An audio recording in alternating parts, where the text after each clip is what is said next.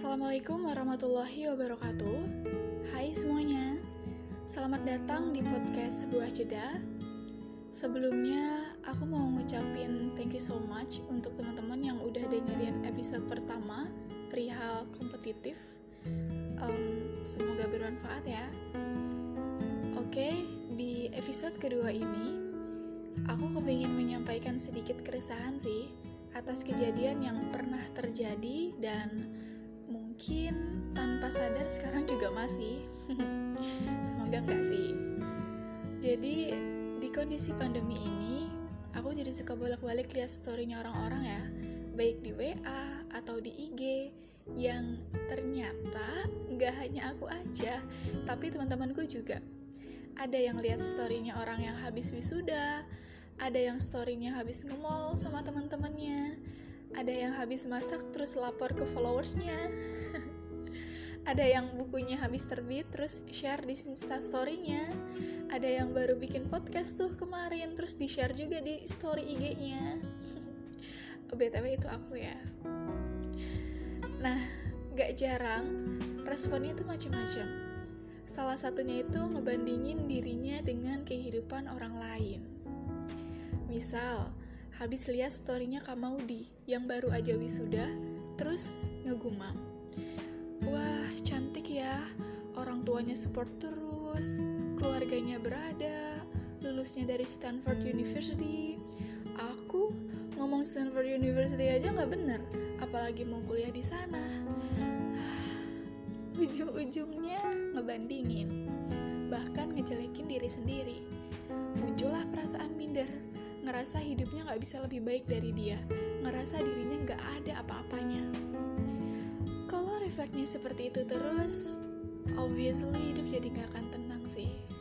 Diliputi ketakutan, gak percaya diri, yang ujung-ujungnya jadi sulit berinteraksi, sulit untuk berkompetisi, bahkan sulit untuk menyelesaikan tugas-tugas yang sebenarnya simple tapi jadi terasa sulit karena hidup terus diliputi dengan persepsi-persepsi negatif tentang diri sendiri. gak baik sih teman-teman apalagi di kondisi saat ini yang menuntut kita untuk aktif, produktif, punya networking yang luas, adaptif dengan kondisi yang ada. Iya gak sih? Gak mungkin kan kita terus-terusan ada di sudut ruangan sambil ngeliatin storynya orang-orang. Terus kita berimajinasi gitu ya. Uh, Kalau gue kayak gini, keren kali ya, punya bisnis sendiri, punya rumah sendiri, punya keluarga yang happy. Terus kita senyum-senyum sendiri. Hai, itu cuma imajinasi ya. Terus kalau imajinasinya sedih, air matanya keluar dengan sendirinya gitu. Astaga, mau sampai kapan? Ayolah, it's time to level up. Hidup ini gak sesedih yang kita kira kita masih punya cerita baik kok yang bisa kita rangkai di kisah hidup kita. Oke, ini aku mau sharing sedikit sih tentang hal yang mungkin bisa sama-sama kita lakuin ya. Kalau suatu saat kita mulai muncul perasaan insecure itu atau merasa diri lebih rendah daripada orang lain secara berlebihan. Pertama, menurutku kita harus bersyukur. Iya gak sih? Karena manusia itu emang suka menilai, membandingkan dirinya dengan orang lain. Uh, it's okay sih, itu wajar. Yang gak wajar kalau menilainya terlalu berlebihan, sampai membuat diri kita jadi merasa lebih rendah. Di saat kayak gitu, bersyukur aja dulu sama apa yang kita punya. Kan Allah juga udah berfirman dalam surat Ibrahim ayat 7.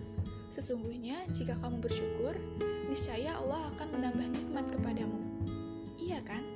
Um, bersyukur itu bukan hanya sekedar ngucap alhamdulillah ya. Misalnya kita lihat teman kita dapat nilai yang lebih bagus dari kita terus kita bilang alhamdulillah seenggaknya nilai gue gak jelek-jelek banget. Gak gitu. Gak gitu konsepnya. Bersyukur itu harus ada wujudnya masa kita dikasih nikmat sama Allah terus bilang alhamdulillah aja terus udah gitu aja kita cuekin nikmat Allah kan gak mungkin Ya, kalau bersyukur berarti harus manfaatin apa yang telah Allah berikan. Kalau Allah kasih nikmat sehat untuk kita, ya kita nikmatin dengan baik. Mungkin dengan lebih baik lagi belajarnya, ditambah jam produktifnya. Kalau Allah kasih nikmat punya banyak teman, ia manfaatin dengan bikin bisnis bareng misalnya. Kan akhirnya nikmat Allah jadi bertambah. Iya gak sih? Nah, itu baru bersyukur. Selanjutnya, jangan terlalu perfeksionis. Um, mau perfect itu bagus, tapi harus sadar diri. Iya gak sih? By the way, aku jadi inget waktu semester 2 dulu deh. Pas lagi belajar bahasa Inggris, itu aku gagal terus. Aku ingat banget pas aku ada tugas presentasi pakai bahasa Inggris. Wadidaw, itu deg-degannya bukan main. Padahal udah latihan berkali-kali, tapi tetap aja deg-degannya ada. Sampai tiba saatnya namaku dipanggil, terus aku maju diri di depan kelas, awalnya nunduk terus jadi dangak gitu ya. Enggak lah, maksudnya mukanya jadi menghadap ke depan gitu. Waduh, seluruh mata di kelas tertuju ke aku. Tiba-tiba dedekannya terdengar jelas, keringat udah gak terhitung, tapi untungnya masih bisa ngomong Assalamualaikum. Meski habis itu udah gak ngomong apa-apa lagi, karena gak tahu apa yang harus diomongin, tiba-tiba blank gitu aja. Gak ada kepikiran satu kata pun, bener-bener blank, sebanget bangetnya blank. Ngeliat timer waktu itu udah berjalan 2 menit yang artinya 3 menit lagi presentasi selesai terus aku ingat banget waktu itu ketua kelas tiba-tiba berdiri terus tepuk tangan sambil senyum sampai akhirnya teman-teman yang lainnya langsung tepuk tangan juga dan wow honestly itu semakin bikin aku nggak tahu mau ngomong apa sih. Tapi cukup termotivasi juga sih saat itu. Oke, okay, untuk teman-temanku yang mungkin inget momen itu, aku tahu bibir kalian udah nggak tahan untuk berendang gak apa-apa ini jeda kalian nikmati aja jadi ya udah. Kalau mau ketawa ketawa aja. Terus habis aku maju gitu ya temenku yang Inggrisnya nggak ada celak buat diketawain itu maju buat presentasi semakin menunjukkan sebuah perbedaan ya mana yang expert mana yang enggak. Waktu itu apa aku sedih? Iya waktu itu aku sedih banget dan malu. 5 menit di depan kelas cuma bisa ngomong assalamualaikum doang. Astaga. Setelah presentasi itu aku masih inget banget sih apa yang dosen bahasa Inggris aku bilang secara face to face sama aku. Um, namanya Miss Lila aku mau ngucapin terima kasih banyak sama Miss Lila karena saat itu udah bilang ke aku kayak gini yang uh, kata-katanya itu sampai aku catat di buku catatan aku ini aku bacain Hai dear, it's okay if you want to cry. Miss tahu kamu anaknya perfeksionis. Miss juga dulu sama kayak kamu, perfeksionis banget. Gak apa-apa itu baik, yang gak baik kalau gak lihat kondisi kita dulu, memungkinkan atau enggaknya. Gak apa-apa, kita latih lagi ya. Wah, kata-kata yang sangat ajaib sih. Menenangkan seketika dan memotivasi saat itu juga aku jadi langsung evaluasi diri sih saat itu kalau wah iya ya ternyata aku terlalu perfeksionis. Maunya pas presentasi nanti ngomong ini itu ada ini itu geraknya begini begitu nanti audiensnya bakal begini begitu like pembicara di ITD gitu. Padahal tahu vocab bahasa Inggrisnya aja masih sedikit. Ngontrol psikisnya masih kacau. Aduh. So punya harapan yang tinggi itu bagus sih. Tapi juga harus realistis justru yang eh, nggak uh, boleh itu menentukan standar di bawah kemampuan kita. Iya gak sih? Ya tapi ya jangan netapin standar yang terlalu tinggi juga. Harus sadar kondisi lihat kapasitas diri. Kalau udah bisa mencapainya baru tinggiin lagi standarnya. Selanjutnya pahami apa yang menjadi kelebihan kita. Kalau nggak tahu, coba-coba aja hal yang kita suka atau yang belum pernah kita lakuin. Jangan nyaman terus di zona depresif, bergeraklah menuju ke zona aktif, di mana kita bisa mengeksplor apa aja yang kita sukai, sehingga kita bisa tahu kelebihan apa yang kita punya. Misal, nyanyi. Ya nggak apa-apa, tapi jangan abis nyanyi, terus denger Kak Raiza nyanyi, terus langsung bilang, e, kayaknya gue nggak bisa nyanyi deh. Oh, mohon maaf, kau baru nyoba sekali udah langsung bilang gak bisa. Mudah sekali Anda menjelekkan diri sendiri ya.